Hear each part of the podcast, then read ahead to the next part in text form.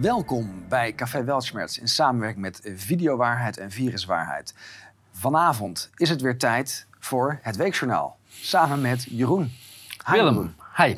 Ja, weer een week voorbij. Hè? Weer een week voorbij. Elke week lijkt weer aan het begin van het zal wel meevallen. En dan komen we toch nog weer met heel veel nieuws. Nou ja, nieuws, ehm, meer satire eigenlijk. Hè? Eigenlijk, eigenlijk is het alleen nog maar satire. Over satire, ik heb uh, politiek. Een nieuwe foto, vrij recent ook zie ik, van de, van de Tweede Kamer. Ja, herken je vak Volgens mij zitten ze ergens in het midden. Die Alle kopjes zijn weggedoken. Precies, ja. ja. Ze gaan maar gelijk beginnen. Ja, het ministerie van uh, eh, VWS hield opschalen IC-bedden tegen. was een grote ruil deze week. Uh, lockdown was misschien niet nodig geweest. Hebben we ons dan toch vergist, Willem? Nou, er zitten een paar dingen in. Ten eerste, dit is wel heel mild. Hè? We hebben het gewoon over moedwillig allerlei moties van de Kamer negeren en actief tegenwerken. Dus zij moeten direct worden weggestuurd. Um, ten tweede, hebben ze eigenlijk wel een punt dat die IC-bedden nooit zijn opgehoogd. Want ze waren ook niet nodig. Er is überhaupt geen lockdown nodig geweest. En dat is weer die dubbele bodem erin. Uh, door hier een grote ophef over te maken, bevestig je wel dat er een soort van een volksgezondheidsprobleem was, dat er niet was. Uh, nou, er waren te veel bedden. Want met, er waren zoveel bedden over dat het afgeschaald moest worden om in ieder geval uh, de paniek hoog te houden. En ik, ik zag ook zo'n tweetje voorbij komen van Lisa Westerveld. Daar heb ik ook wel eens een stukje over geschreven. Die doet nu heel waar. Ze gaat even actie nemen. Ze gaat een debat aanvragen. Terwijl ik denk in zo'n geval dat je hoeft er geen debat aan te vragen. Je hoeft toch alleen maar uh, het aftreden te eisen. Van... Precies. Motie van afkeuring of van walging. Ik weet van, niet precies van, ja, ja, precies. Um, en daar wil ik mensen nog op, uh, op wijzen. We zullen hem binnenkort op de website zetten. Het stemgedrag en alle moties die hiermee te maken hebben gehad. Er, is wel, er zijn wel vijf moties aangenomen over dat de IC-bedden omhoog moesten. Er hoeft geen discussie meer gevoerd te worden. Nu dit vaststaat, direct Met naar huis. Alle theater, ik ga een debat aanvragen. Terwijl, ja, als je, iedereen wist uh, hoe het zat, alleen uh, zij kennelijk niet. Ook deze weer. Senaat koerst af op einde coronawet. Dat hebben we ook vaker gehoord, volgens mij. Hoe waarschijnlijk is het dat de Senaat, oftewel de Eerste Kamer, uh, alsnog de vijfde of zesde verlenging. Ik ga denken over de zesde verlenging. Hè? Die van 1 ja, De zevende komt er ook alweer aan. Ja, ja uh, de zou lopen. Naast 1 september is de zevende. Hè? Want daar zijn ze ook al mee bezig. Ja, hoe waarschijnlijk is? Dit, dit is een herhaling eh, van zet. Dat komt altijd. Het idee dat we een Eerste Kamer hebben die dan even echt kritisch gaan kijken. En zeggen, nee, maar dat gaan we niet doen. En vervolgens... We hebben het met lijst A natuurlijk gezien. Dat was ook de aanleiding van mijn aangifte. Dat lijst A werd aangenomen. En de verlenging. Want de uh, gedachten in de Eerste Kamer werden letterlijk ook vertaald door een D66-lid. Uh, eh, ja, want als we die lijst A niet aannemen, dan kunnen we de bevoegdheden niet meer gebruiken. Ja, ja. maar goed, voor sommigen klinkt dat heel logisch, denk ik. Um, dan uh, aantal uit huis geplaatste kinderen van ouders toeslagenaffaire is toegenomen tot 1675. Ook hier weer twee dingen. Aan de ene kant goed dat er wat gebeurt. Uh, helaas is het de verkeerde kant op, want het probleem wordt steeds groter en erger. Nou, het, um, wat mij opviel was Omtzigt, uh, die zei op een gegeven moment iets wat ik al heel lang zeg. Dat is, hij zegt, het hang, ook dit is een gevolg van logaritmes.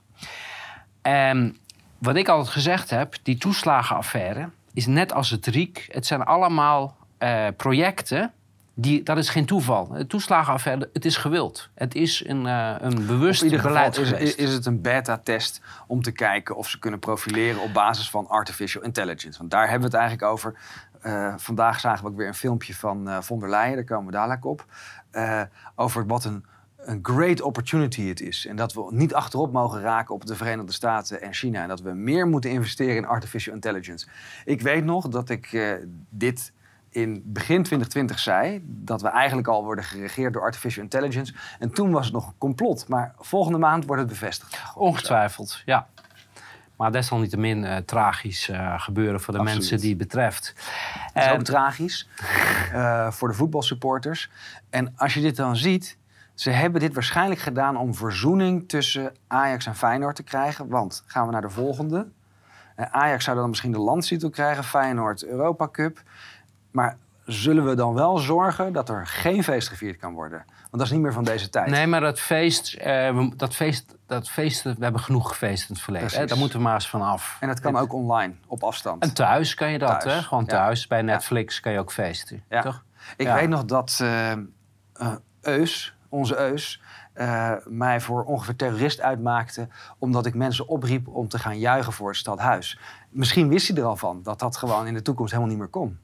Ja, dat lijkt me toch vanaf het begin eh, hè, was dat duidelijk. Ja. Al dat plezier maken, dat, eh, dat moeten we maar niet meer doen. Ter Apel bomvol, asielzoekers pitten buiten op het grasveld. Ja, wa- wat een toeval, hè? Ja, en hier denk ik ook weer van... Goed dat het onder de aandacht komt, maar laten we even uitzoomen. Dit is een zelfgecreëerd probleem waarvan iedereen van tevoren zei... niet doen, dit gaat fout. En het gaat fout. Wat een verrassing. Het is destabilisatie-agenda, wat we Ja. in 2015 in Duitsland gezien hebben. Ik heb dat van nabij eh, gezien. hè. Wir schaffen das. Niemand eh, besefte toen dat dat al onderdeel was van een groter plan. De gevolgen zie je overal in Duitsland. De steden, eh, en mensen herkennen zich niet meer in de steden. Het is eh, Ontwricht. Totaal ontwricht. En dat wil men hier ook eh, bereiken. En het tweede punt is, als het er genoeg zijn... dan gaan ze dwingen om die mensen in huis eh, op te nemen. Want daar hebben ze net een leuke Precies. Daar een wet voor wet van geactiveerd. 1952. Ja, dan- Precies, Ja, dat hangt allemaal samen. ja.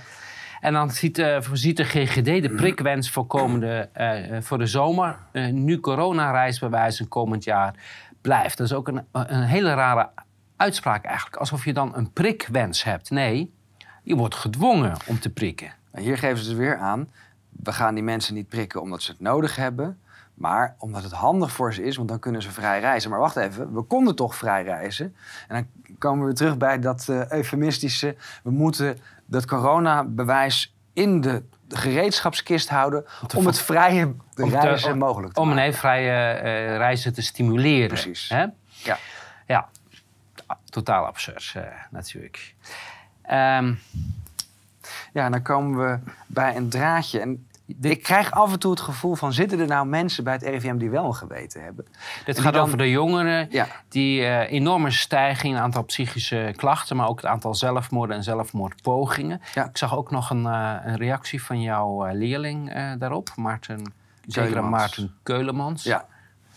Ja, zolang hij blijft ploeteren, blijven wij hem bijstaan en bijles geven. Het is heel erg nodig. Eh, hij snapt er nog steeds weinig van. Ehm, maar in ieder geval goed dat het RIVM zich soms eh, uitspreekt en gewoon de echte cijfers geeft. Ja, maar eh Keulemans zei, ja, dat is altijd zo. Kinderen hebben altijd zelfmoordgedachten. Ja, maar het gaat hier natuurlijk wel over stijgingen. Ik snap dat hij geen beta-studie heeft gedaan, dus dat hij denkt dat dat normaal is. En minister Schouten die vliegt met een eh, privéjet eh, naar Bonaire om de armoede te bespreken. Kijk, dit laat een Dat is beetje... een heel mooi signaal wat ze hier geeft van jongens, ik zeg maar wat. Dat stikstof- en CO2-probleem, dat zeg ik alleen maar omdat ik het moet zeggen. Maar eigenlijk is het onzin. Ja, en zij zit boeren te onteigenen vanwege het stikstof. En vervolgens stap je in een privéjet. En eh, ja, het laat zien, deze mensen die zijn volledig losgezongen van elke realiteit. Die eh, zitten al in een nieuwe realiteit. Waarin Ja. zij een soort eh, elite zijn. En die hebben niks te maken met het gepeupel. En wij moeten natuurlijk allemaal een graadje minder en zo. Ja, en jij stapt vliegtuig. ja, waarom niet, hè? Precies. Als doen andere mensen minder kan. vliegen, dan kunnen zij meer vliegen. Dus dat is wel een goede deal. Precies. Ja, we kwamen net bij de GGD vandaan. Ik- en komen we op de volgende. Hier gaat het dus over. En dan kom ik een bekende naam tegen. Kyria- Kyriakides. Die is in opspraak geraakt voor corruptie. Even Zij- voor de duidelijkheid. Ja. Zij eh, kreeg, ik meen 5,5 miljoen heeft ze op haar rekening ontvangen van Pfizer, meen ik. hè? in ieder geval eh, vanuit die, vanuit die Ja. range. Eh, of in die range vanuit die groep. En zij is verantwoordelijk voor het eh, toelaten tot de markt. Eh, zij zit als, als een van de eurocommissarissen bij de EMA aan tafel. En de e-mails die zijn gelekt, daar zien we ook dat zij druk uitoefent op het beslisproces, dus de CHMP. Als een om het- dictatortje. om het erdoor te krijgen van jongens, het moet deze week door. Veiligheid, niks mee te maken. Dit zijn de afspraken. Uitstel wordt niet getolereerd. Ja. En zij zegt nu, ze gaan eh, nog 100 miljoen Europeanen gaan ze overtuigen in de herfst om alsnog een prik te halen. Ja, dat klinkt toch een beetje bedreigend. Ik weet niet of jij dat Dit, ook dit, hebt. is, dit is bedreiging en afpersing. Want inmiddels staat vast, die prikken werken niet. Eh, Ze zijn schadelijk. Ze, Ze hebben een negatief effect op de all-cause mortality. Dan zeggen sommige mensen, ja, maar het helpt toch tegen COVID? Nee, jongens. Als je iets geeft, dan moet je kijken naar het geheel. Als het geheel ervan slechter wordt, is het negatief. Maar hier zie je hetzelfde wat je bij andere dingen ziet. We hebben het gewoon losgekoppeld van het doel waarvoor het ooit was. Nu Ja. moet je het prikje gewoon nemen om te kunnen reizen. En omdat het gewoon moet. Je moet gehoorzaam zijn, punt. En Ja. that's it. Eh, vaccinatiedrang, kinderopvang is na corona een eh hoorde te ver voor de Eerste Kamer. Ja. Een beetje hetzelfde verhaal als die andere. Zo- Ja, het is een horde te ver, dus dan wordt er een inlegvelletje bijgevoegd. En dan eh, vindt de Eerste Kamer het prima. En een paar maanden later doe je het alsnog. Ja. Ja. En Omtzigt en Dassen lanceren anticorruptieplan. Op veel vlakken doen we het slechter dan andere landen. Nou, hier is een punt. eh, hier hebben ze wel een punt. Hè, want ik stoor mij al heel lang aan de manier waarop wij hier eh, corrupt zijn en onze corruptie. Kijk, in veel landen is dat gedemocratiseerd. En wij hebben hier geen toegang tot corruptie. Dan moet je tot een bepaald clubje horen. Ik Ja. vind dat iedereen moet daar eh, gebruik van kunnen maken. Ik Ja. weet niet wat jij daarvan vindt. Ja, ik denk als je werkt bij de media of lid bent van een politieke partij, dat je dat soort mogelijkheden wel krijgt. Ja, dan zou je lid moeten worden van een politieke partij. Dan mag je. Ja, eh, specifiek. Hè? Dan heb je het over het CDA, D66, dus wat dat betreft VVD. doen we het inderdaad veel slechter dan andere landen. En eh, het virus lijkt weg, maar de coronawet light blijft. En teleurstellend. Dit duurt jaren straks. Ja, dat moet je even ontleden. Virus lijkt weg. Ja, want als er minder getest wordt, dan zie je niet. Virus is altijd aanwezig. Eh, het volgt gewoon de normale griepseizoen, dus daar is niks anders aan. Eh coronawet light. Eh, ze hebben het over dus de, paar stukjes die ze eruit willen halen. Maar het is nog een concept, dus ik denk niet dat het echt uitgehaald wordt hoor. Teleurstellend, dan ga je je afvragen, teleurstellend voor wie? Dat, dat niemand meer in het verhaal gelooft. Dus is Kuipers teleurgesteld? En het enige stukje waarheid, dit duurt jaren. Ja, dat klopt. Maar het duurt volgens mij ook al jaren. Ja. Of, eh, we zitten eh, volgens mij al eh, bijna Maar het twee- plan is dat het nog wel tot 2030 duurt. Ja, maar ik weet niet of ze dat gaan halen, om eerlijk te zijn. En als we het daar over het plan hebben, een antwoord op een WOP-verzoek. En ze moeten eerst aan de World Economic Forum voorleggen of zij de stukken mogen verstrekken. En dan wordt dat bericht opeens in een andere context geplaatst. Hè? Dus ehm, Kuipers, waarvan wij dachten dat hij minister van Volksgezondheid was, blijkt nu gewoon eh, eh, eigenlijk. Een eh, adept van de WEF. Ja, precies. In Ja. dienst te zijn van de WEF. Ehm, ik heb hier ook een tweet over gedaan van ja, bij dit soort dingen direct ontslaan. Dat is iemand die zijn taak niet snapt. Nou, ontslaan is volgens mij niet voldoende. Volgens mij moet hij gewoon gelijk eh, aangehouden Ja, maar dat- en naar voren rest. Dat zullen de tribunalen na ons moeten doen.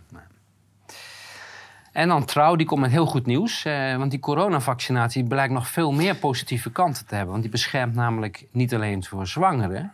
maar zorgt ook voor minder doodgeboren kinderen. Willem. Ja, eh, Robin, ik weet niet of het toevallig ook familie is. Ja, van- Goudsmit, hè, die hele bekende naam. Ja, Ja. Dat zag ik ook al. Die heeft, ja. eh, eh, professor Goudsmit die heeft iets van 200 miljoen euro ontvangen van Fauci. Kan je in andere afleveringen terugzien. Maar wat hier gebeurt is heel bijzonder. Het is bekend dat die publicaties die dan zouden moeten aantonen dat de Pfizer-injectie veilig zou zijn voor vrouwen op zo'n manier in elkaar is gezet dat je eigenlijk geen conclusie eraan kan verbinden. Maar wat hier gebeurt gaat nog veel verder. Dus nu wordt er gezegd, het is een miracle drug. Eh, eh, los van corona is het ook nog eens heel goed als je zwanger bent. Dus je moet het juist nemen als je zwanger bent. Dan heb je namelijk een kleinere kans op... ja, waarschijnlijk. abortus maar maar er zit waarschijnlijk een waarheid in. Want je krijgt namelijk veel eerder een miskraam. Dus dan heb je ook minder doodgeboren kinderen. Of, of lees ik dat verkeerd? Ja, dan zou, zo zou je het inderdaad misschien wel moeten lezen, ja. Maar dan gaan we verder. En dan komen we weer eh, onze grootste, hè, de, bekendste eh dyscalculie-patiënt. eh, Ernst Kuipers. Dus die, die, die ziet dat stukje in de trouw en die denkt van... joh, de, de trouw dat is een wetenschappelijk tijdschrift. Die kan ik citeren. Ja. En dan herhaalt hij nog eventjes de claim. Maar wat hier staat, dat is, dat is echt... Zo bond heeft Hugo de Jong het zelfs niet gemaakt. Nee, dat is niet helemaal waar. Die maakte het ook net zo bond.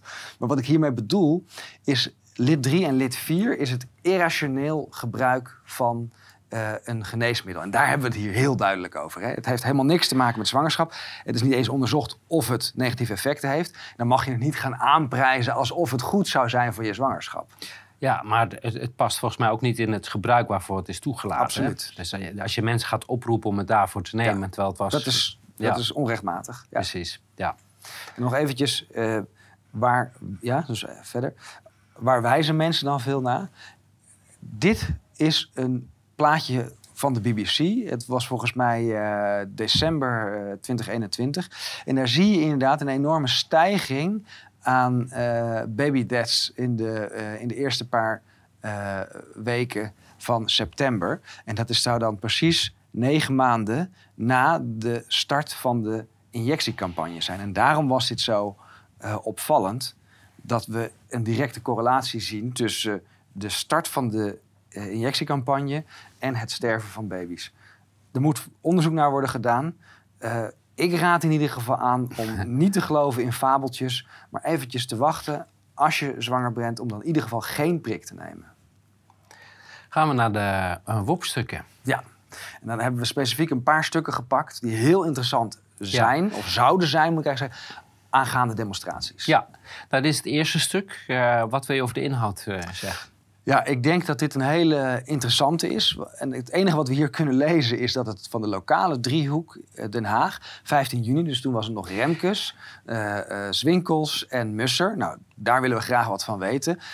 15 juni, dat was zes dagen voor onze eerste demonstratie die niet door mocht gaan. En dat was een paar dagen voordat wij het besluit kregen Ja. dat het eh, verboden Precies. was. En dus ik denk dat wat hier staat, dat het heel erg interessant is. Dus Ja. de vraag is waarom eh, mogen we dat niet weten? Ja, dus als je eh, bij de gemeente Den Haag werkt, dan vind je vast wel een manier om dit op een, in een ander WOP-stuk eh, zonder zwarte balkjes En eh, wat is het e-mailadres waar hij dat eh, anoniem naartoe kan sturen? Info.viruswaarheid.nl. Ja, en deze bladzijde ook graag. Deze even. bladzijde willen we graag weten. En de volgende ook. Deze vind ik vooral interessant. Kijk, dit is, dit kijk, dit is openbaarheid in Nederland. Hè? Ja. Dus we geven je de stukken, alleen we maken de inhoud zwart. Hè? Ja. Vandaar ook dat ze dus nog er is voldaan aan de vraag. Ja, kijk, we hebben toch Gaan we, openbaard. ja? precies, gaan we naar de volgende. En ook dit stuk is heel interessant. Die rondvraag, eh, ja, dat is niet zo eh, belangrijk. Maar dit is wel, eh, ja, eigenlijk te... Ik, ik zou eerlijk zeggen, ik denk als dit openbaar wordt, wat hier staat... Ja, wat, Ehm. wat, wat vermoeden wij dat hier staat, Jeroen? Ehm, ik denk dat hier eh, samen plannetjes gemaakt zijn over hoe ze de demonstraties van de, de demonstratie van 21 juni zouden gaan saboteren. Ja. En eh, de, het geweld zouden gaan laten escaleren. En op wat voor manier zij daar eh, zouden gaan provoceren. Eh, ik denk Dus dat hoe, dat hoe die stukken normaal in elkaar zitten. Ze hebben een paar scenario's doorgesproken. Wie wat doet en op welke manier wij dan gearresteerd zijn. Want het zijn drie beruchte criminelen hè, die hier bij elkaar zitten. Ja. Eh, Swinkels, eh, Van Mussers. Ja. En, en ik krijg zo En- een beetje het gevoel dat er inderdaad een onderzoek naar Musser is gestart. Ik Ja. weet het nog niet zeker. Ik hoop daar binnenkort meer over te kunnen vertellen. We wachten het af en dan hebben we nog een eh politiestuk. Kijk, en het, dit is mooi, want ze variëren wel. Hè. Die ene doen ze helemaal zwart en Ja. deze doen ze grijs. Want er is een tijd geweest, gebruikten ze wit, want het ziet er wat minder zwart uit. Hè. Ja, hier zie je in ieder geval ongeveer wat je mist.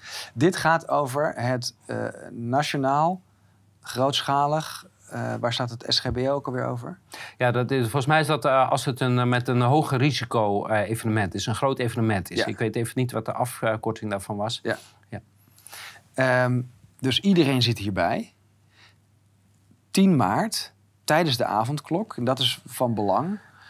Locatie, eh, M8-teams. Ik weet niet wat het is, maar we, we moeten allemaal uitzoeken. Ook deze is weer vooral heel veel grijs dan in Dit is dit nu geval. grijs. Ja, Ja. Je kan niet zeggen dat het zwart is. Ik weet niet of dat extra betaalde, want ze vroeger mensen om documenten zwart te maken. Dat betaalde 4000 euro per maand. Ja. En- Waarom we deze nou ook hebben toegevoegd... eh, net als 21 juni was hier 14 maart, Ja. kort erop volgend. Er wordt ook een stukje over eh, de verkiezingen gezegd, daar komen we zo op. Maar dit lijkt bijna hetzelfde laken en pak. Er is een overleg geweest, hoe gaan we om Hoe met gaan we het demonstraties? Hoe kunnen Wie we alles in? klein slaan? Ja, en welke eh, Ro- eh, Romeo's eh, zetten we daarin? Welke eenheden? En ja, dit, is dit zijn hele interessante stukken. En ik hoop dat die nog boven water komen in een, een of andere procedure. Want we hebben net... je hebt zojuist de Ja, ben ik bij de beroepsgronden langs geweest, werd ik prima geholpen. Eh, de beroepsronde voor het hoger beroep van het verbod van 21 juni. Dus En het blijft 28. maar doorgaan. En 28 juni, ja. Ja, en dan dit is ongeveer het enige vel wat dan wel leesbaar is. En hier staan een paar opmerkelijke dingen in. Ja, ehm, we hebben al vaker gezien dat men wil de marechaussee erbij betrekken. En de Ja. is eh, militaire politie.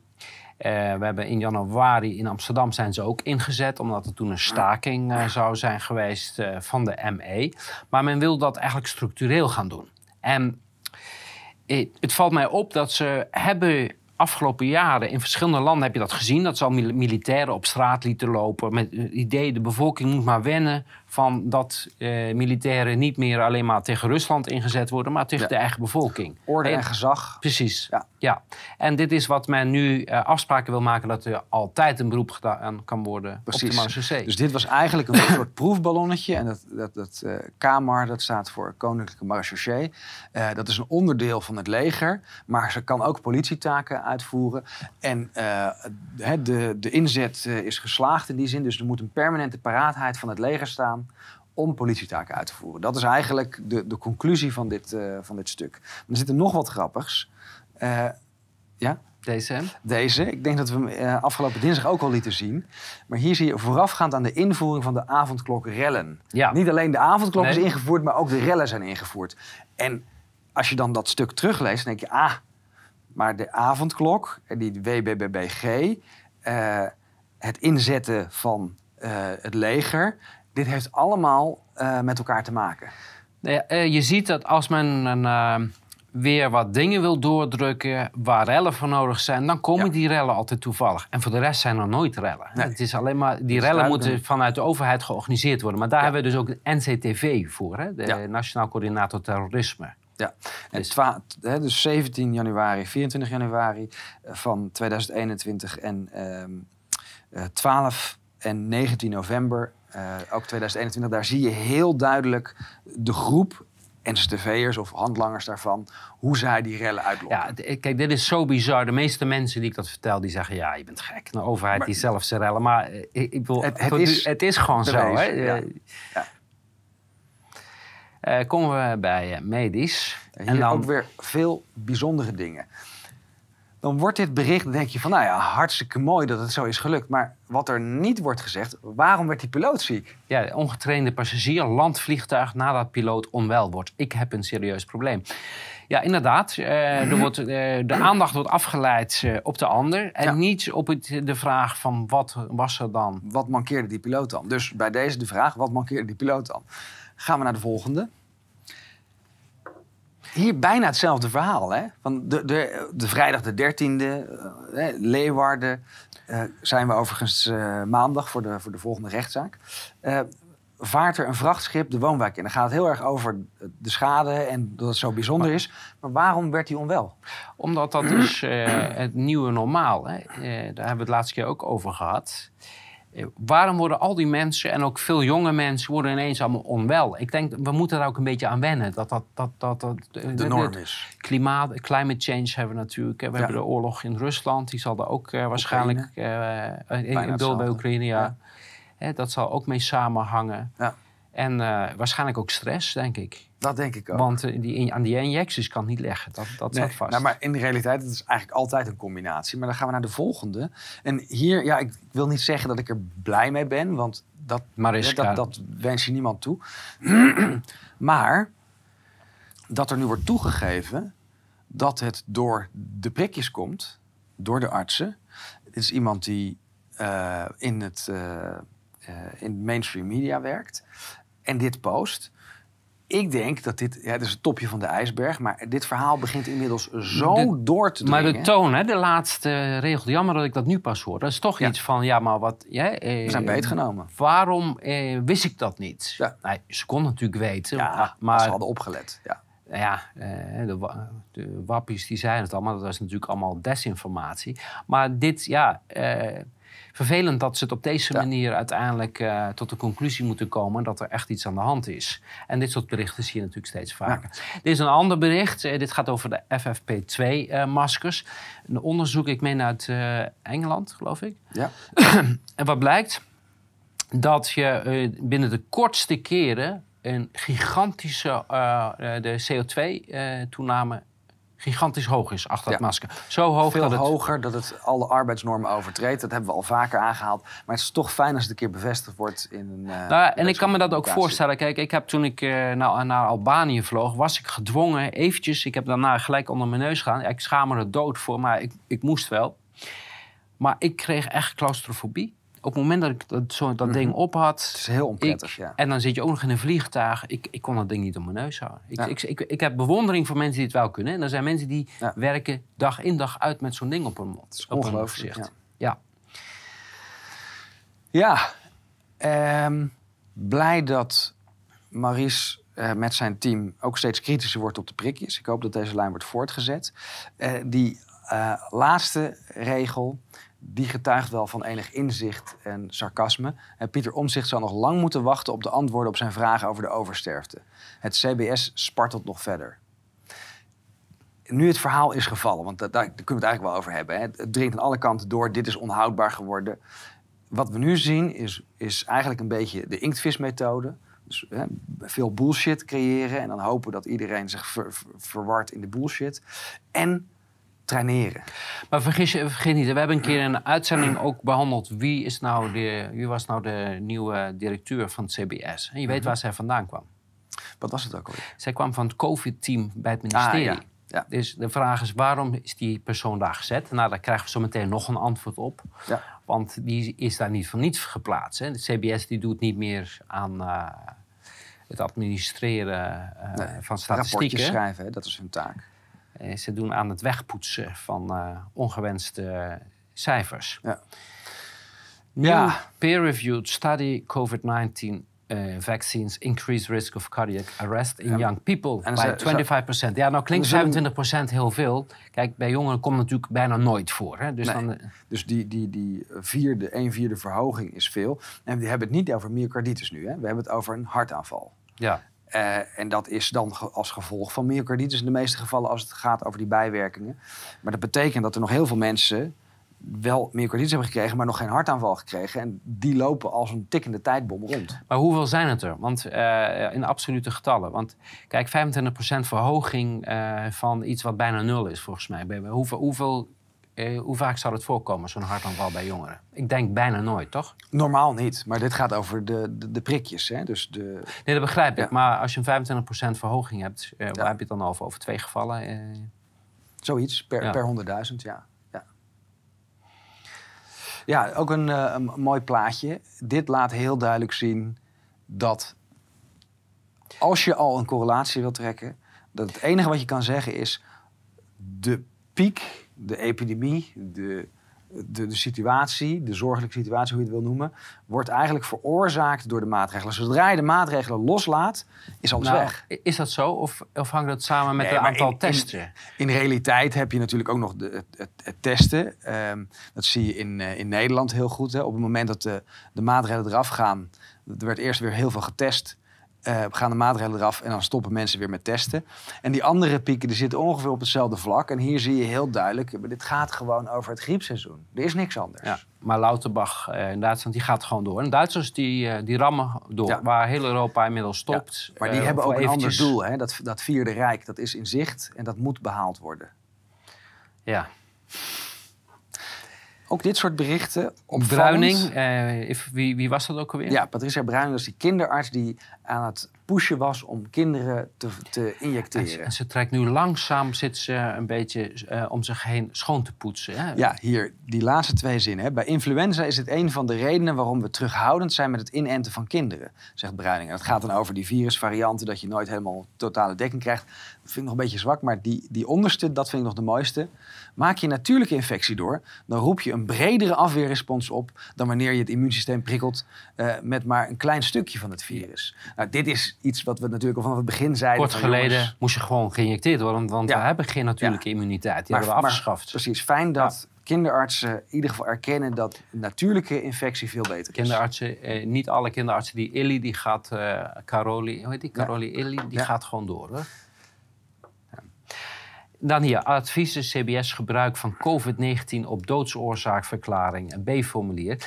En dit is een, eh, een bericht uit 28, van 28 april 2020. Dat valt een beetje samen We hebben in onze rechtszaak in juni uh, hebben die stukken ook gebruikt. Dit was een instructie Ja. vanuit de WHO. En dat Ja. was bedoeld om het aantal COVID-doden te Ja, dat verhogen. zie je ook, hè? Want wat zie je? De, de ziekte, eh, je, je moet dus dat formulier B, eh, moet je COVID-19 gebruiken. Als de ziekte de dood tot gevolg had, dan dat lijkt me ook wel logisch, hè, die eerste. Maar ook als het vermoedelijk was en als het aan het overlijden heeft bijgedragen. Kijk, dat zijn natuurlijk al hele... Ja, en die laatste, en daar zie je, ja, dan, zo kom je dus op 80% te hoge indexering. Dus als iemand zelfmoord eh, pleegt eh, door de maatregelen, dan heeft COVID waarschijnlijk ook bijgedragen. En dan Ja. eh, ben je ook een COVID-dode. Ja. Ja, maar dit, dit bedrog, zo vroeg al a- hebben we dat al aangevoerd en het is eigenlijk nooit beklijft. Hè? Ja. En dan Hans Kazan, ja, die, eh, die kampt ook met ernstige gezondheidsproblemen. Ja, en het lastige is, ik weet niet of het door het prik komt. Dat ga ik ook niet beweren. Maar ik vind het wel opvallend. Dat er zoveel mensen, en we gaan, hè, als we naar de Nou, vooral gaan- omdat er staat, het is een raadsel wat hij heeft. Ja. En, dat is volgens mij is, is, is het wel bevestigd dat hij inderdaad een prikje heeft genomen. Dus als iemand een prikje heeft genomen en daarna krijgt hij gezondheidsklachten... en dan is het een raadsel, dat is een... Voor mij is dat Als jij van- leest een raadsel, Ja. dan is meestal dat ze weten dat het van die prik is, maar dat mogen we niet zeggen, dus is het een raadsel. Precies. Dat, dat, Dat is eh, bijna het codewoord. ja. Gaan we naar die volgende. Nou, hier was ook veel ophef over. Eh, natuurlijk vreselijk wat er is gebeurd. eh, Eh, maar dit wat- mocht niet gelinkt... over wie gaat dat? D- dit is over Lukoki, een ex-speler van Twente. En er mocht geen link gemaakt worden met het prikje. Met, zoals met de Eriksson toen. Eh, Een beetje zoals met Eriksson. En ik tweette erover. Ik gaf het als mogelijkheid. Eh, het lijkt, of in ieder geval het officiële verhaal is nu dat hij in een vechtpartij is beland. Dat hij daarvan last had. Toen is hij naar het ziekenhuis gegaan. Is hij weggestuurd. Is hij teruggekomen naar het ziekenhuis. Toen bleek dat hij te weinig zuurstof in zijn benen had. Moest zijn been geamputeerd worden. Eh, toen hebben ze hem in coma gehouden. Weer geprobeerd bij te brengen. Maar dat ging fout. En toen is hij uiteindelijk aan een hartstilstand overleden. Ik vind het een heel raar verhaal. Ja. Sorry. Ik vind het een heel raar verhaal. Ja. Denk dat je gelijk hebt. En nou ehm, geloven dus eh, de, eh, de, de gezondheids... of eh, de, hoe zeg je, de toezichthoudende autoriteit voor de medicijnen... Ja. die geloven nu dat de, het voorkomen van virussen in AstraZeneca en Janssen... eh, de veroorzakers zijn van hepatitis bij... en B is het geloof ik, hè, bij kinderen. Of hepatitis C, denk ik. Maar oh, we hebben dit natuurlijk al een paar keer eh, laten zien. Hè? De, de dansen met Jansen, Ja. de eh, adeno-shedding events, zou ik ze willen noemen. Eh, daar hebben we heel, heel goed kunnen zien dat het een scherpe piek, maar ook een scherpe daling gaf. En dat in diezelfde periode er opeens een uitbraak van RS-virus bij kinderen was. En nu zien we dingen over mazelen, waterpokken, hepatitis. Het is een beetje een schuifpuzzel kennelijk, als jij virussen bij mensen gaat inspuiten, worden zij virusverspreiders en duwen ze allerlei natuurlijke processen uit balans. En de kinderen eh, zijn daar helaas het slachtoffer van. Ja, maar we leren wel een hoop. Ja, Komen we bij eh, juridisch. Ja, val rechters niet lastig met flutzaken als belediging van politie. Maar dat is een artikel uit 2015. ja dat gaat dan over Lil Kleine volgens mij, die eh, zijn middelvinger opstak eh, eh, naar de politie en zei, fuck de politie. En toen deed het hele concert, of alle concertgangers deden hetzelfde. En daarvoor werd hij ver- vervolgd, omdat hij opruiend zou zijn naar de politie. En natuurlijk was dat een, een, viel mijn oog erop, omdat iets dergelijks nu mij te lasten wordt gelegd. En daar werd toen al eigenlijk over gezegd van ja, maar dit, dit is niet waarvoor die wet is bedoeld. Hè. Nu maak je het onnodig lastig voor de, voor, voor de rechtspraak. Dit is eigenlijk het misbruik van rechtsmiddelen. Ja, maar eh, mensen denken dat dit toeval is. Maar hier ligt een heel bewust beleid eh, aan de grondslag. Wat eh, al, ik denk al eh, rond 2010, dat was eh, ook rond de tijd eh ehm, Opstelten, eh, Teven. Ja. Eh, het idee daarachter is eh, de zero tolerance beleid. Kijk, vroeger als politie, eh, als op, op een gegeven moment iemand iets vervelends zei tegen een politieman of een kwaadheid van even sch schuld van dikke lul of weet ik veel wat, zei zo'n politieman, hey, even, houd even rustig. Ja? Laten we even, op zo'n manier werd een ruzie gesust of werden de gemoederen gekalmeerd. Nu, als iemand iets zegt wat lijkt op een, eh, een belediging of wat lijkt op een scheldwoord, Ja. ja, dan gaan gelijk gaat het protocol lopen en dan wordt zo iemand gelijk aangehouden wegens belediging en die wordt ook vervolgd. Ehm, dit is om ons te leren van, dat was al het begin van als burger, jij moet je bek houden. Ja? Ja. En als jij het waagt je bek open te trekken tegen ons, dan laten we even zien, jij moet gewoon gehoorzamen en je mond dicht. Dus dit is iets wat al jaren aan de gang is. Mensen hebben het heel nauwelijks gemerkt. Het werd Mhm. altijd gezegd, hè, we moeten, blijf ons van onze mensen af. Straffen zijn verhoogd als je iets met een politieman doet of als hij per ongeluk gewond raakt. Dus dit is, ik, ik zie dat in een groter eh, kader. Ik heb het toen al gezien. Van, eh, ik wist niet waar, waar, we Waar dat naartoe nou gingen. vandaag maar nu valt, valt alles op zijn plek. Ja. Dan komen we bij het bedrog. Ja, eh, we hebben dit eh, behandeld in de uitzending van afgelopen dinsdag bij het Juridisch Weekjournaal. Dus even kort. Dit is het stukje wat stond in de, eh, nee, in de memorie van Grieven of de conclusie. Nee, dit was de memorie van antwoord. Ehm, dit, dit was het verweer van de staat. Ja. Ehm, maar zij hebben het in- hoger beroep aangespannen, hè? Nee. Ja, in de, in de avondklok. Ja, ja, in de avondklokzaak was memorie van Grief. Je hebt Ja. gelijk, ik ben even in de war. Ja. Ehm, dit, in de avondklokzaak zijn ze in beroep gegaan en hebben zij de, eh, laat, dit gebruikt, dit plaatje, om te laten zien dat zo'n avondklok werking heeft. Hè? Dat Mhm. het effect heeft, positief effect heeft. Ehm, dit is dus aan de rechter voorgelegd. En de rechter heeft daarop ook geoordeeld en waarschijnlijk dit meegenomen. Ja. Waarschijnlijk stond de uitkomst al vast, maar het even In ieder doen geval, alsof- dit is aangedragen als bewijs voor de meetbaarheid en en proportionaliteit. dat het dus proportioneel als, als het werkt, dan kan het Ja. dus ook proportioneel zijn. Maar als het Ja. niet werkt, dan is het sowieso niet proportioneel. Ehm, maar, Dan komen we bij dit plaatje. En als we dan naar het originele plaatje gaan... ja, maar dit komt even uit de presentatie van Van Dissel aan de Tweede Kamer. Ja. En dan komen we nu bij het originele dan plaatje. zien we dat dat lijntje eigenlijk ergens anders stond. En vooral die onderste. Dat gaat nu- over de avondklok, de onderste. Nu lijkt het net alsof die effect heeft gehad. Eh, maar in realiteit zien we dat eh, het onzekerheidsinterval de 0% lijn kruist. betekent- Dus dat betekent dat je geen conclusie mag trekken. Want het kan in de meetfout zitten. En even voor de duidelijkheid, dit is niet een vergissing. Dit kan geen vergissing zijn, want iemand moet het plaatje genomen Ja. hebben en moet daar aan... Er is, een, er is een vervalsing geweest, ja. Ja. En, en het bedriegen van de rechters. Dus Ja. ik heb daar direct aangifte van gedaan. Ik heb er nog geen terugkoppelingen op gekregen. Eh, ik ben heel benieuwd, want dit is een smoking gun. Dit is een, een, een, een case closed eigenlijk. Want het is toegegeven door het RIVM dat het ging om een vergissing. Dat het verkeerd plaatje is gebruikt. Eh, de landsadvocaten hebben eh, eh, eigenlijk eh, achterwege gelaten om hun fout te verbeteren. Daarmee hebben ze moedwillig de rechter misleid in hoger beroep, maar vooral ook in de cassatiezaak. Ja, en ze hebben dus bedrog gepleegd. En eh, behalve dat je een aangifte doet, gaan wij ook vragen om herziening van het vonnis. Ja. Want de wet zegt, als een vonnis Gebaseerd is van bedrog. Ja. bedrog, dan kan je een verzoek doen. Ja. Dat gaan we dus op eh, korte termijn doen. Ja. Heb je nog een aangifte? Ja, en die gaat eigenlijk over de werkwijze van het OM. En nu staat vast dat, ehm, en in dit geval was het volgens mij officier Huisman, die heeft na de aanhouding en na de gedragsaanwijzing, omdat wij in beroep gingen tegen eh, de gedragsaanwijzing, dat gebiedsverbod van tien dagen, heeft ze gezocht eerst in ehm, het verhoor, toen in de surveillance die plaatsvond in de dagen daarvoor, dus op social media. Toen is ze nog gaan kijken in de vergaarbakken, maar nergens werd iets nuttigs gevonden dat die aanhouding, en dan heb ik het met name over artikel 132, want het gaat over de verspreiding van opruimd materiaal, eh, kon rechtvaardigen. En nu blijkt heel duidelijk dat ze hebben lopen shoppen, knippen en plakken. Dus ook hier hebben we weer te, te, te maken met misbruik bevoegdheden, bedrog en valse geschriften. Ja, maar alles voor het goede doel. Hè? Willem eh, moet Ja. opgesloten worden. Ja, en dit is een beetje in het verlengde daarvan. Eh, dit gaat over een, eh een WOP-verzoek eigenlijk, zo zou je het kunnen zien. Het is een opverzoek. Ehm, Tenminste, maar dan naar de politie toe. Waarom ik een privéhelikopter boven mijn hoofd had hangen Ja. tijdens de demonstratie van 17 januari. En let op, we weten inmiddels dat de NCTV daar een bepaalde rol in heeft gespeeld.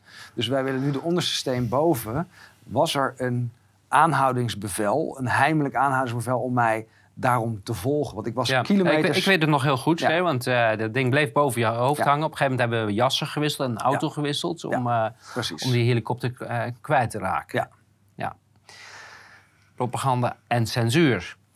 Ehm, ja, hoe de angst om het eigen plekje kwijt te raken de middenklasse rechtse en yogamoeders meer anti-overheid maakt. Ja, dit is dan een stuk van uh, Roxanne van Ypres en het wordt dan helemaal omarmd door alle media. Ze krijgt overal de ruimte. Het voelt een beetje als een, uh, als een uh, Norbert Dikkeboompje. iemand pleegt laster en uh, de hele media staat te klappen van... oh, wat een goede laster heb jij gepleegd. Nou, deze argumenten nemen we over. Het gaat dus over uh, de organisatie Moederhart... Ja. die zich uitspreekt omdat ze zorgen hebben over de toekomst van hun kinderen. Het is, en ook, het is knettergek. Ze worden van egoïsme uh, verweten. En dat duidt dan op extreemrechtse ideeën. Ja, ik, het is, het is, er is geen taal meer aan vast te knopen eigenlijk. Maar ja, als je maar een verhaal hebt. Als je maar een verhaal hebt. Ja. Dit is een beetje in, het, in, het, in hetzelfde, van hetzelfde laken. Ja, Lana is een transvrouw, maar in haar paspoort staat nog M. En daarom mag ze Oekraïne niet uit, want voor mannen geldt de dienstplicht. Ja, ik, ik krijg hier gelijk een paar vragen bij, want is dat nou niet mooi dat je... Uh, echte gelijkheid, dan zou echte gelijkheid. vrouwen daar dus moeten blijven. Dat zou toch de, het verhaal moeten zijn. Waarom moeten in Oekraïne alleen maar mannen en niet ook uh, die, uh, de hele LGBT, hoe heet ja. community en zo. Die moeten toch ook allemaal gaan vechten. En dat, dan heb je pas gelijkheid. Ja. Maar dus deze verontwaardiging, die snap ik niet. Hè? Want ik snap, ik snap ten eerste sowieso niet waarom dit een nieuw stuk is. Waarom wij iets met die oorlog te maken hebben. Wat is dit voor totale onzin? Maar ja, ja. Dat, dat zal wel aan mij liggen.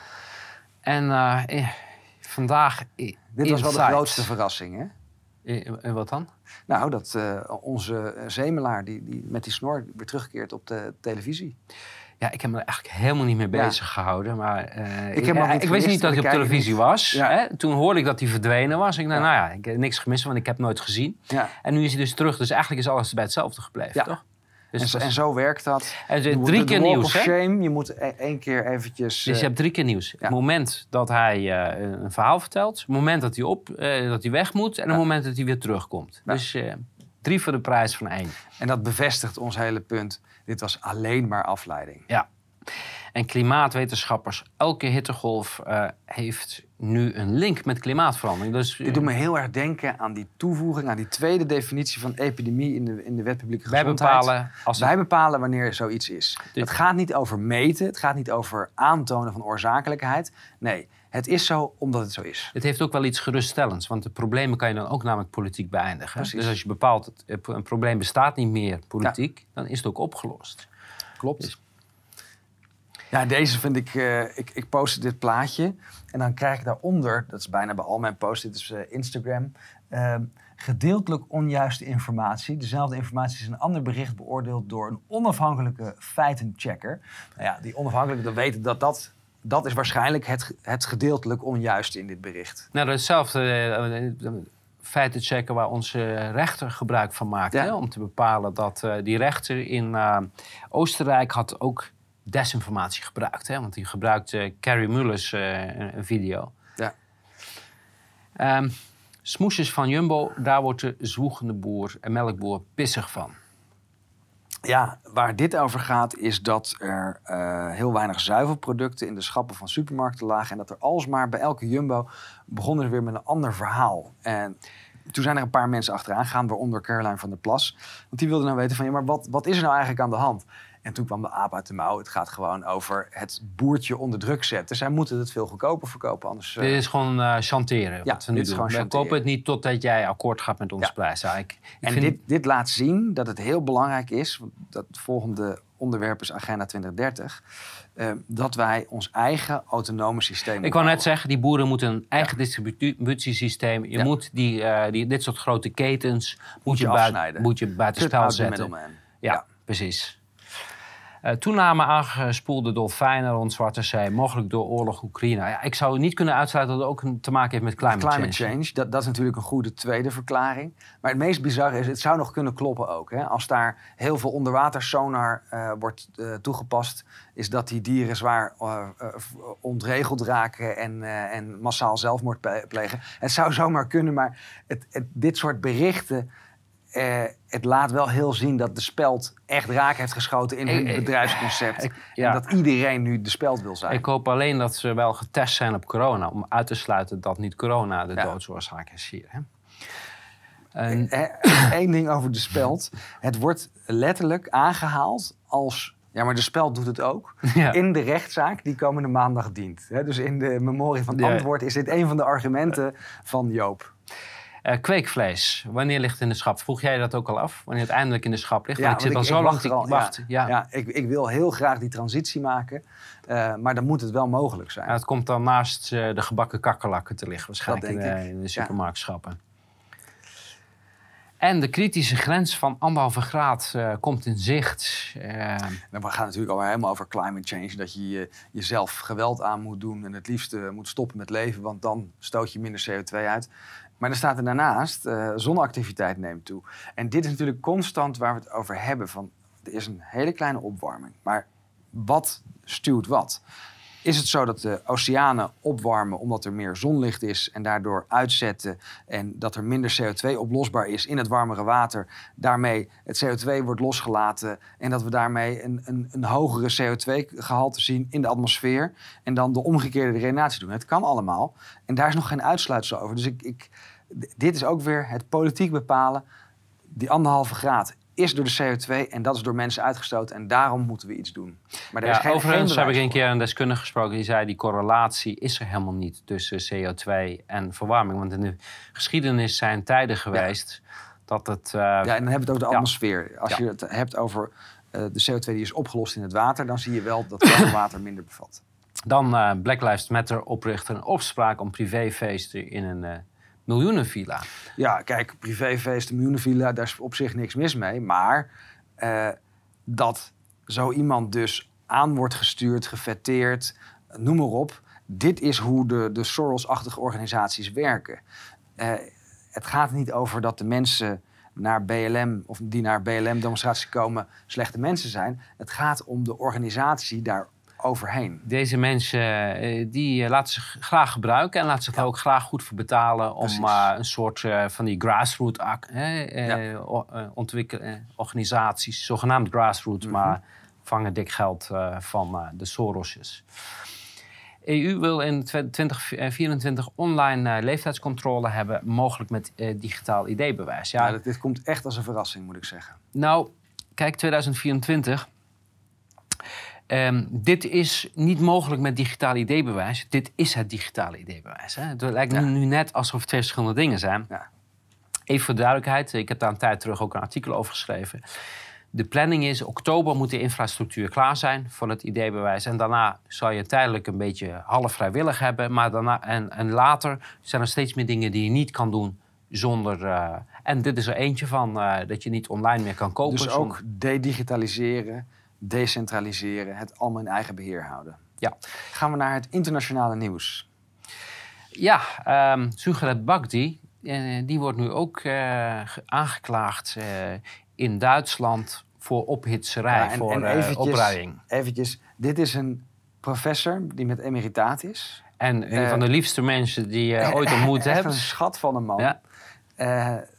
Zijn hele leven heeft hij gewijd aan het onderzoeken van het immuunsysteem. Maar hij is vanaf het begin heel kritisch geweest. Ook een van zijn filmpjes was voor mij een bevestiging van het klopt inderdaad niet.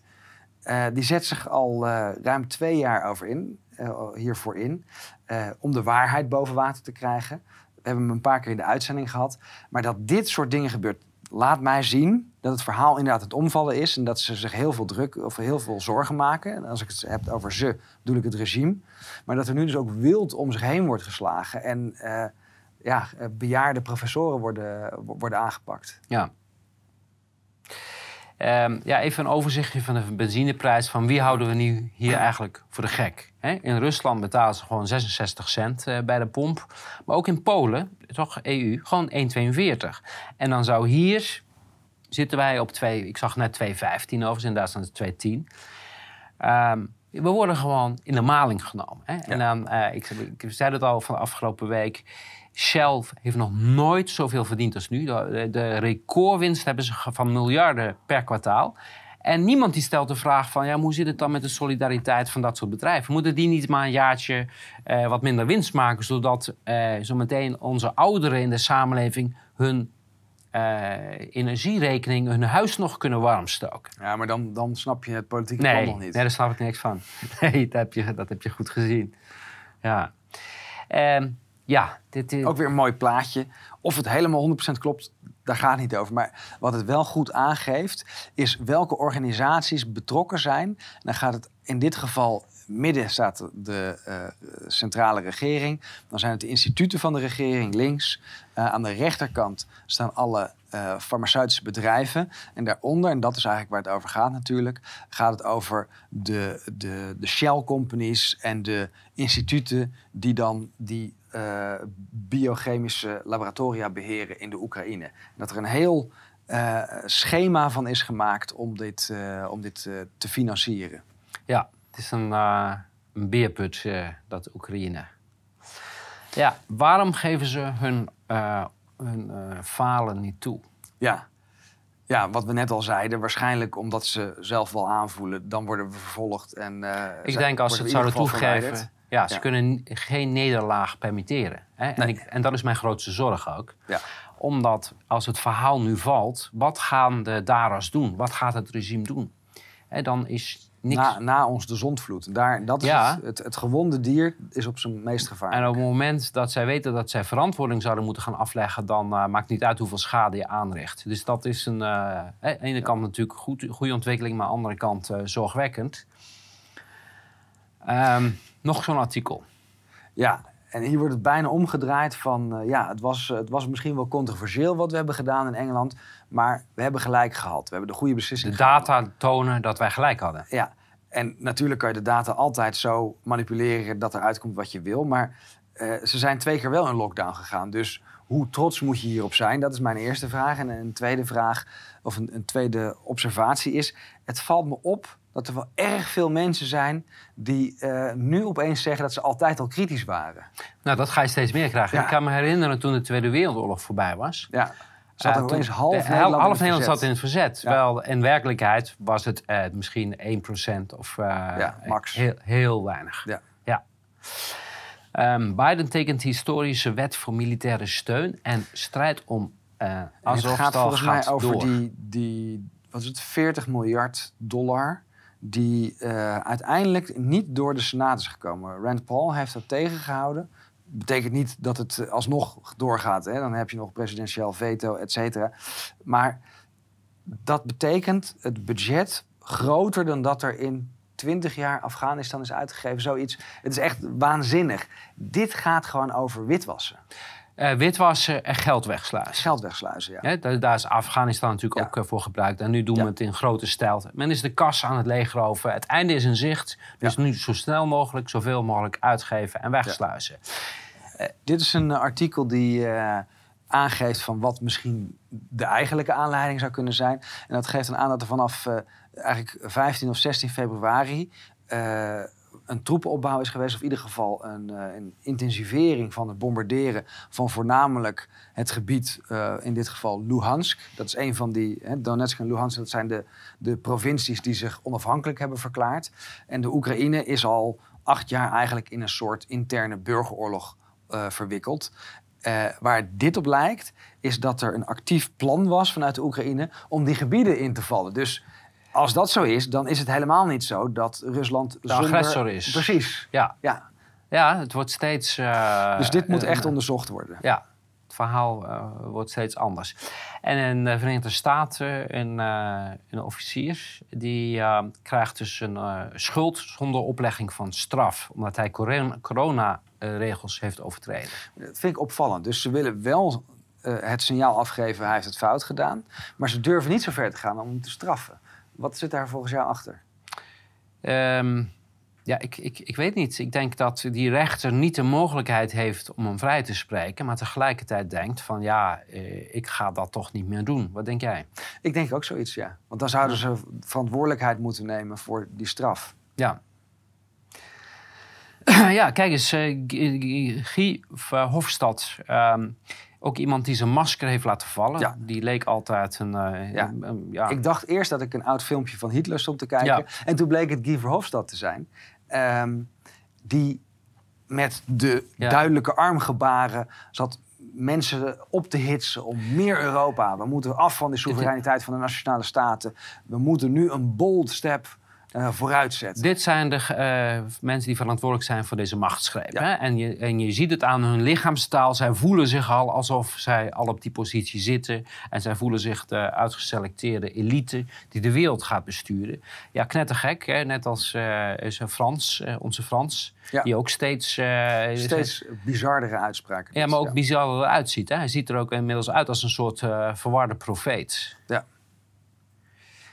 En dan Lauterbach, er staat in de, in de, in de krant dat de minister van Volksgezondheid, eh, Lauterbach, eh, dat minister Lauterbach gewoon ronduit loog. Ja, ik, dat is geen nieuws. Het zou eigenlijk grote kop moeten zijn. Lauterbach vertelde de waarheid. Ja, Hè? Dus, eh, maar positief het dat, staat wel in de mainstream media. dat de mainstream media steeds meer eh, openlijker toegeeft dat er eh, criminelen aan het bewind ja, want. Lauterbach was in zijn vorige carrière, ik geloof dat hij clown was in een of ander circus. Ja. En eh, hij was de enige die bereid was om nog minister van Volksgezondheid te worden. Dus ik begrijp hem wel. Eh 37% van de huishoudens heeft moeite met de energierekening. Ja, wat, Ja. dat is geen verrassing. Nee, dit, dit hoort eigenlijk meer bij Agenda 2030. Maar daar hadden we het net al over met die, met die benzineprijzen. Eh, er trekken heel veel mensen aan de bel van... ho, eh, mensen komen in problemen door die eh, energieprijzen. Ehm, maar dat is juist het doel. Ja, het Het leegtrekken. onteigenen. En dan eh, reiken ze straks de helpende hand. Oh, hier, neem, accepteer maar al onze voorwaarden. Laat je in, injecteren. Neem de digitale identiteit. En je krijgt iedere maand voedselbonnen. Hè? Want dat zijn het. Het is geen digitaal geld, het zijn voedselbonnen.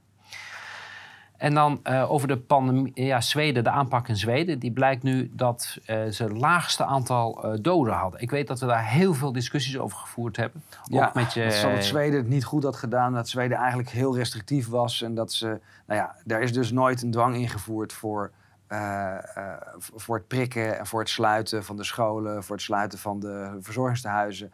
Eh, en wat we toen al wisten, eh, wordt nog maar eens bevestigd. Ze hadden gelijk. Ja, ook hier hadden bepaalde journalisten, tenminste mensen die zich journalist noemen, Mhm. jouw slechte leerling, hoe heet hij ook alweer? Ik vergeet steeds zijn naam.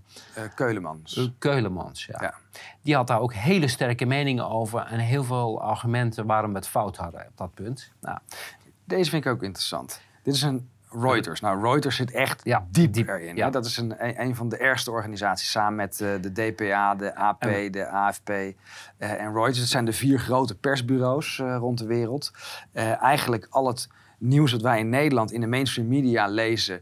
Het, over het internationale komt bij hun vandaan. Hè. Ze doen geen Ja. zelfonderzoek. maar ze zeggen nu, ze vragen, wetenschappers die stellen vragen bij het, de, de, dus het massale testen. Maar Willem, kan het ook niet samenhangen met het, dat, het, eh, dat die testen op het punt staan om te, om te vallen? Dat zou heel goed kunnen.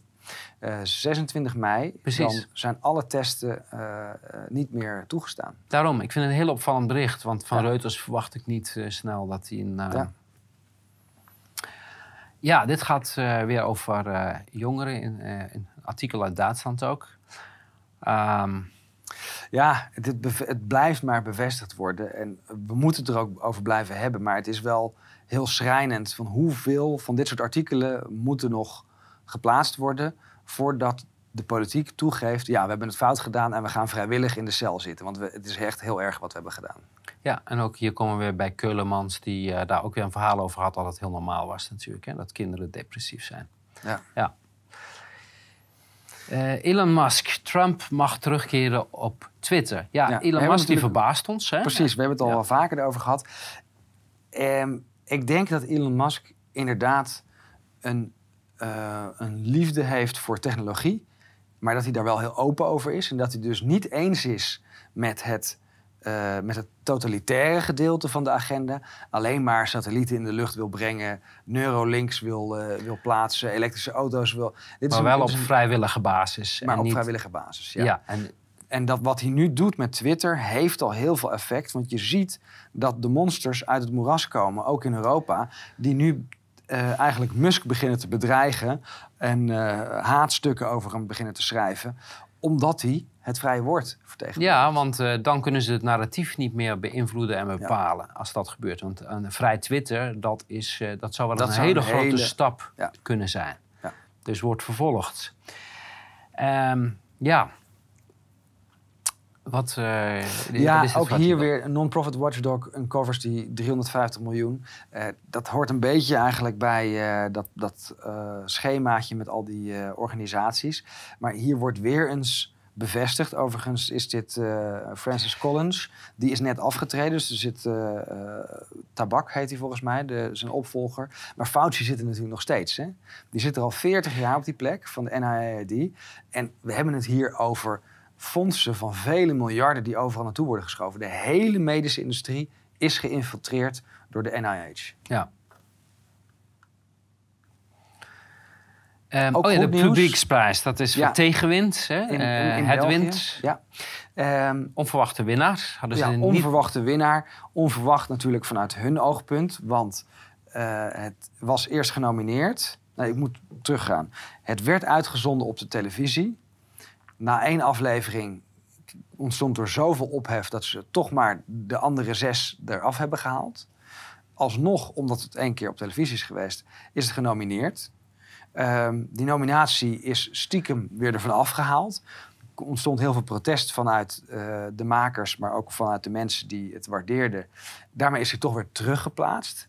En nu blijkt dat hij heeft gewonnen. En dat is natuurlijk heel vervelend, want dan blijkt ook dat, dat uh, gedeelte van mensen die kritisch is en die oplet veel groter is dan dat zij ons dat willen geloven. En de mainstream media is nu ook weer een echt offensief begonnen om het in discrediet te brengen. En dat het echt gaat over desinformatie en uh, noem op. Ze hebben alle honden hebben ze erop afgestuurd. Ja.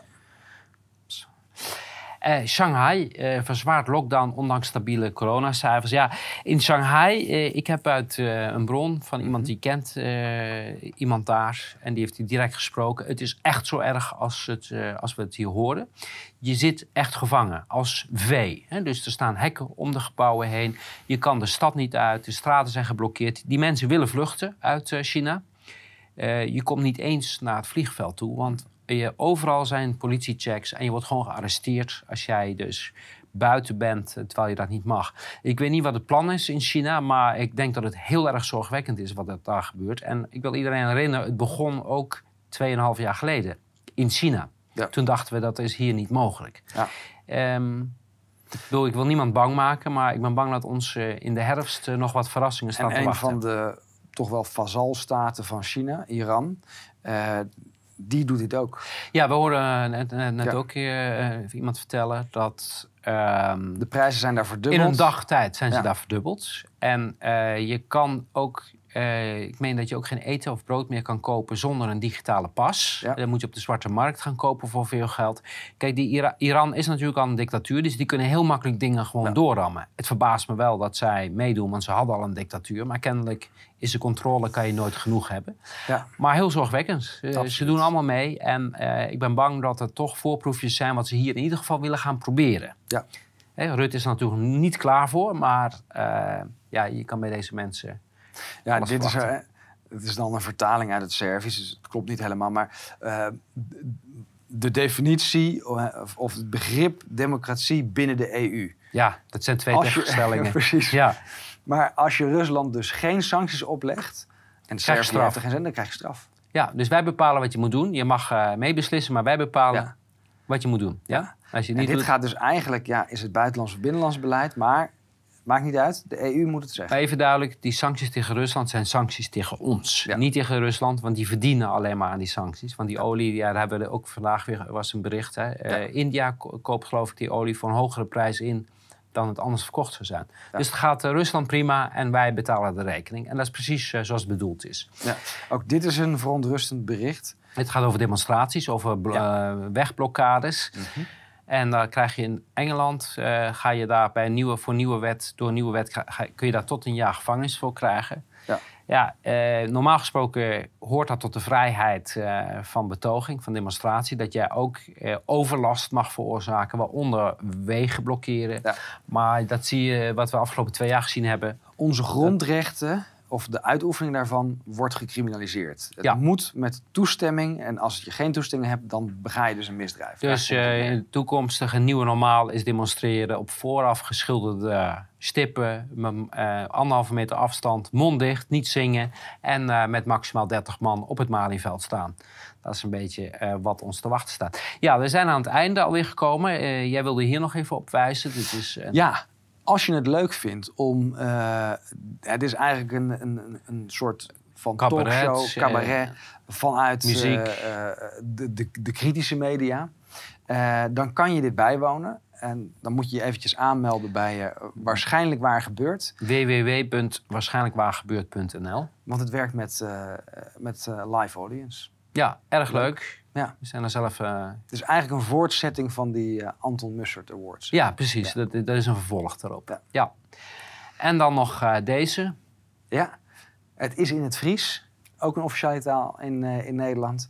Je kan er ook je verweer invoeren. Dus we hebben een, een verrassing voor, voor Joop. Maandag hebben wij de rechtszaak in Leeuwarden. En die gaan we ook in het Fries doen. Mooi. Nou, dit was hem alweer, Wilm. Tot, Ja, dankjewel. tot volgende week. Tot volgende week.